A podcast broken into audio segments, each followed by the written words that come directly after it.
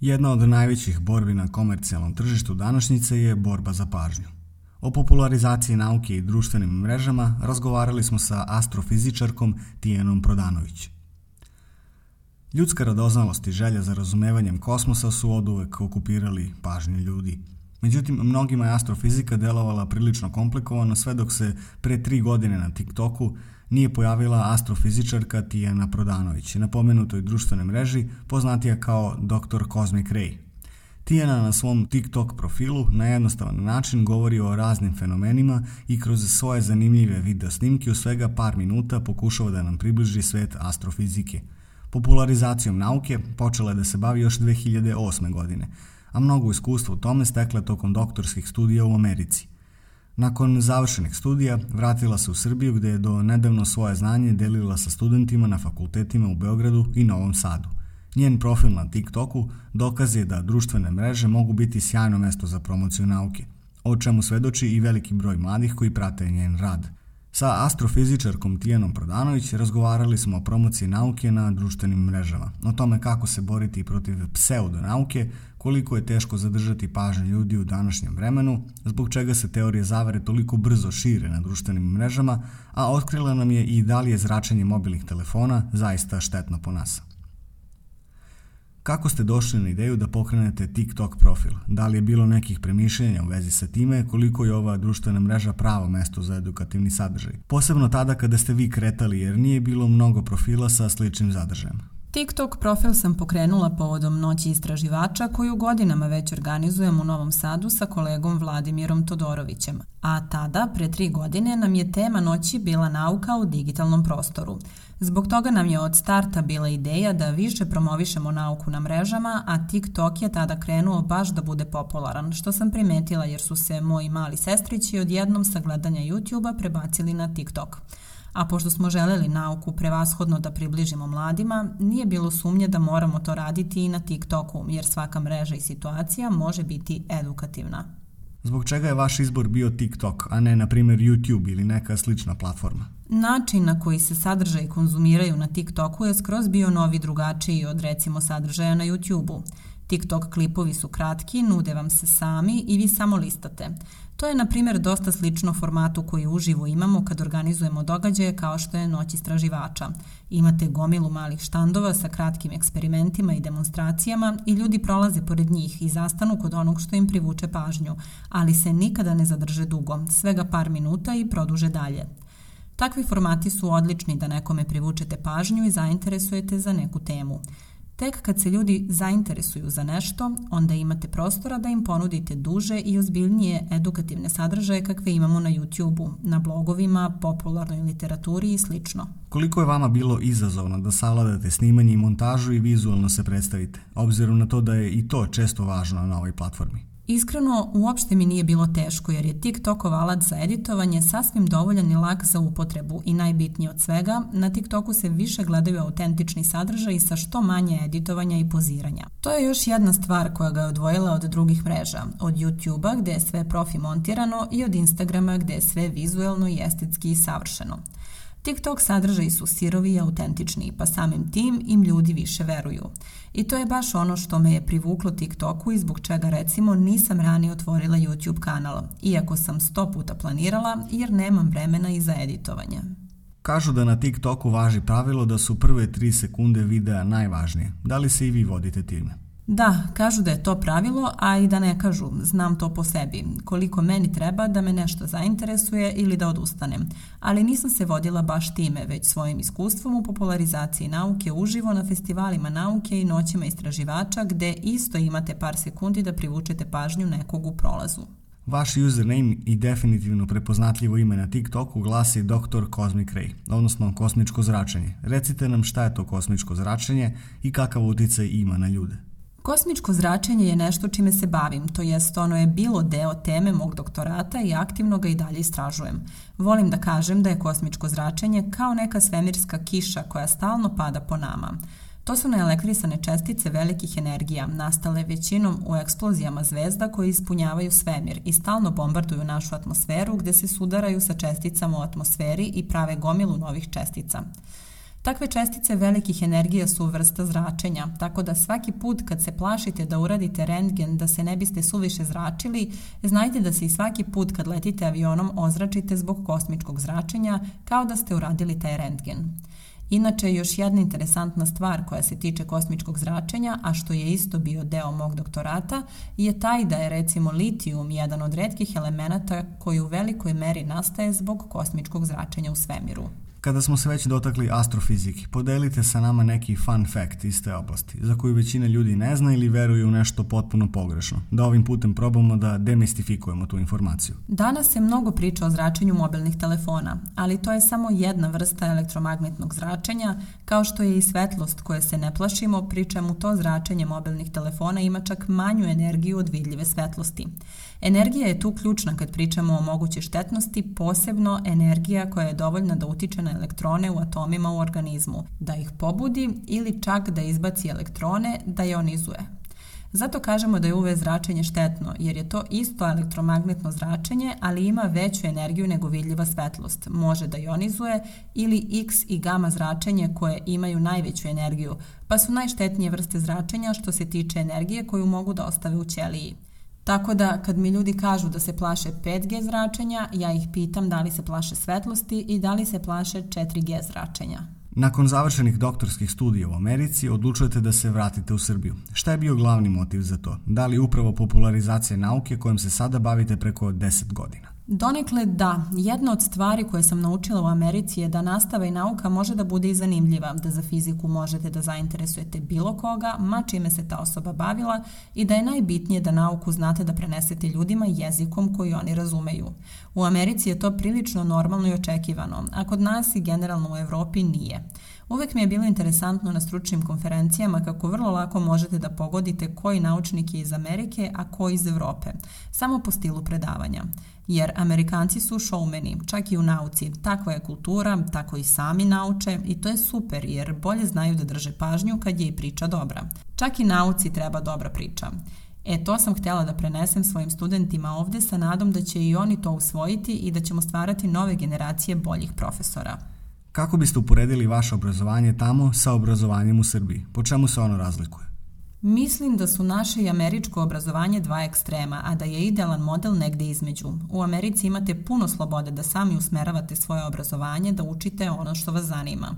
To je super za vaše interesovanje, da se ne smorite, super je i za podsticanje i razvoj interdisciplinarnosti, ali je problem što kad ne znate nešto, iz te perspektive teško je videti šta vam od znanja još treba da biste zaista razumeli ono što vas zanima. Zato je jako bitno da imaju dobre savjetnike među profesorima, ali to u praksi ne radi uvek. S druge strane, kod nas imate malo slobode da se usmeravate sami. Postoje tu izborni predmeti, ali se u praksi svede na to da u suštini nemate izbora, već birate ono što je dostupno. To nam daje jako dobru osnovu i širinu, ali recimo jako otežava razvoj interdisciplinarnih veština i usmeravanje na uže teme.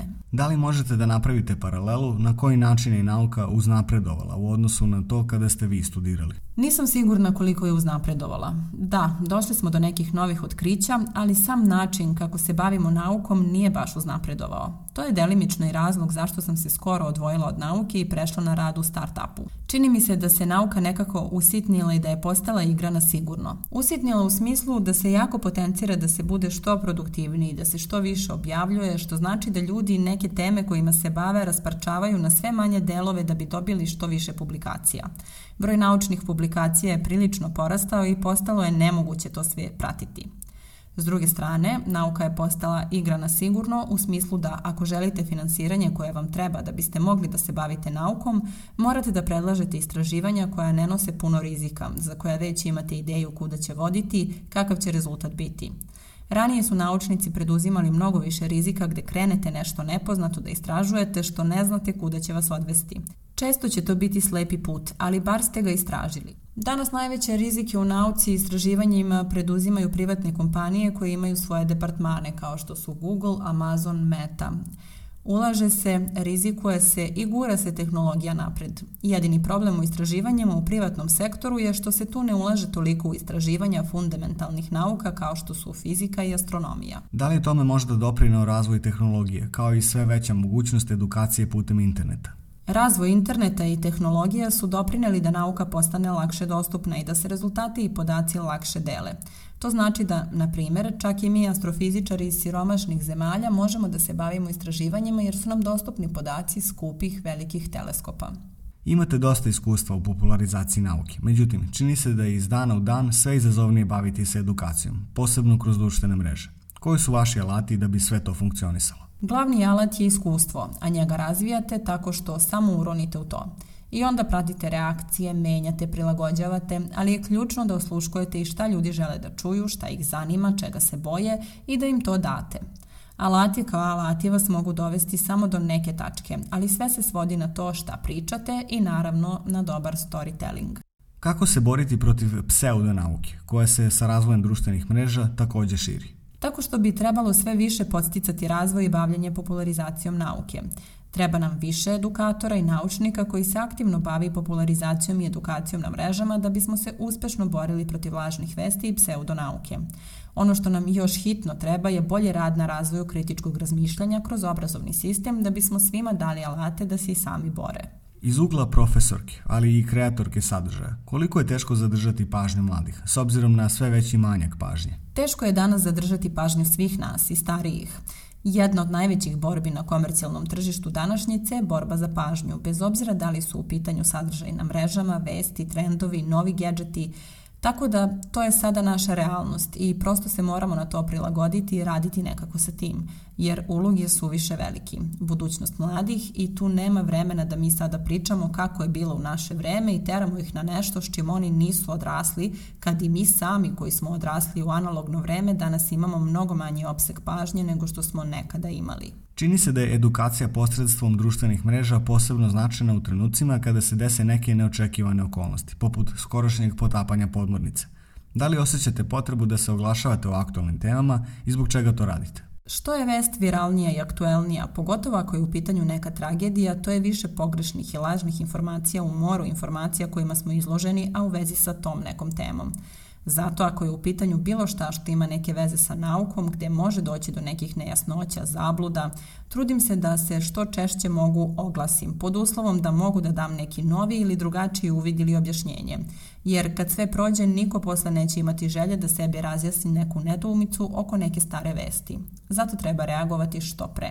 U današnje vreme teorije zavera se veoma često šire društvenim mrežama. Kako ih vi objašnjavate i zbog čega ljudi veruju u njih? Ne znam da li nužno danas ima više ljudi koji veruju u teorije zavere ili su oni samo danas vidljiviji i glasniji zbog digitalnog prostora. Zašto ljudi veruju u teorije zavere je više psihološko pitanje, ali mislim da je jedan deo psihološkog odgovora, ako se dobro sećam, zato što ih to čini nekako posebnim, delom nekog posebnog kluba gde su im oči otvorene, dok mi svi drugi živimo u zabludama. Iz mog profesorskog ugla, to je zato što je profesorska profesija donekle izgubila autoritet kao centar znanja. Ranije se do znanja i informacija dolazilo iz knjiga i u obrazovnim ustanovama. Danas na internetu možete da saznate sve. Takođe, knjige nije lako napisati, a da biste ih objavili treba ipak da imate neki kredibilitet i autoritet za neku oblast. S druge strane, na internetu može svako da objavi što god želi, bez da je ikakav autoritet za neku temu. Ako to učini sa dovoljno asertivnim tonom i koristeći dovoljno na izgled stručan jezik, onda će zvučati kao dovoljni autoritet. I eto nam recepta za širenje teorije zavere. Ljudi koji imaju neka pitanja i nedoumice, a ne znaju dovoljno, a sumnjaju u klasične autoritete, onda kreću sami da istražuju i da se informišu i nailaze na sadržaje upitnog kvaliteta i onda ih algoritmi mreža vode sve dublje i dublje u zečiju rupu, predlažući im sve problematičnije sadržaje za dalje gledanje. Možete li da izvojite neku teoriju zavere iz oblasti nauke koja kruži internetom, a ipak nije istinita ili proverena? Meni je najveći fenomen tu teorija ravne zemlje, jer mi je prosto nepojmljivo da u 21. veku mi pričamo o nečemu što su još stari Grci dokazali i znali. Ali moramo o tome da pričamo dok god ima onih koji se o tome pitaju. Moramo da damo ljudima alate da sami dođu do istine. Bar je ovo tema koju je lako istražiti. Da li imate neki savet kako da prepoznamo kada je neki naučni sadržaj na društvenim mrežama neistinit? Naći izvor, to je prvo pravilo. Na koju god vest naiđete, pogotovo ako naslov zvuči senzacionalno ili neverovatno, pogledajte u tekstu odakle je ta vest originalno potekla. Da li je navedeno neko zvanično istraživanje, da li je originalan izvor kredibilan, Ko su glavni akteri? Izguglajte imena glavnih aktera, naučnika, svedoka, institucija. Probajte da saznate još nešto o njima. Ako i dalje niste sigurni, dobar plan je uvek da izigravate đavoljeg advokata. Pretražite suprotne navode od onoga što se tvrdi, pa probajte da nađete da li je vest već negde raskrinkana. Da li uočavate da je nekada neposredan pristup mladima mnogo korisniji od klasičnog formalnog pristupa, odnosno predavanja, tribina i sl.? Definitivno. To je nešto što sam usvojila sa studija u Americi jer taj neformalan pristup koji oni tamo imaju pomaže da se ljudi opuste te da lakše smeju da postave pitanja, a samim tim i lakše uče. Za mlade se često govori da su nezainteresovani za obrazovanje i nauku. Kako je vaše viđenje toga iz ugla profesorke kao i kreatorke sadržaja za društvene mreže? Mislim da nas nauka sve prirodno interesuje jer interesuje nas svet oko nas. U bukvalno svemu što vas zanima i čega se latite ima neke nauke, ima nešto da se nauči. Samo treba to predstaviti pravim jezikom koji ljude zainteresuje da zastanu i poslušaju. Šta biste preporučili mladoj osobi koja želi da se bavi astrofizikom? Da se ne plaše time da se bave ako ih to zanima. Često ljudi čuju, a i ja sam to čula kad sam bila mlađa, pa šta ćeš ti sa tim u životu? Čemu to služi? Ali ako nekog to zanima, onda je vrlo lako tome se posvetiti i baviti time, bez da izgleda naporno. Bavite se nekim tako fantastičnim i dalekim stvarima i temama o kojima većina ljudi samo sanjari i još ovladate gomilom različitih alata i fizikom i matematikom i programiranjem, pa naučite dosta što posle možete da primenite u gomili drugih oblasti. Autorka teksta Marija Milić. Ilustracije Olga Đelošević. Tekst čitali Ivan Radisavljević i Snežana Katunac. Tekst je dostupan na sajtu Oblakodera u rubrici Salon. Tekst je podržan od strane Evropske unije i Nemačkog saveznog ministarstva za ekonomsku saradnju i razvoj. Stavovi izneti u podržanom medijskom projektu Scroll and Share Oblakoder magazina ne izražavaju stavove Evropske unije i Nemačkog saveznog ministarstva za ekonomsku saradnju i razvoj.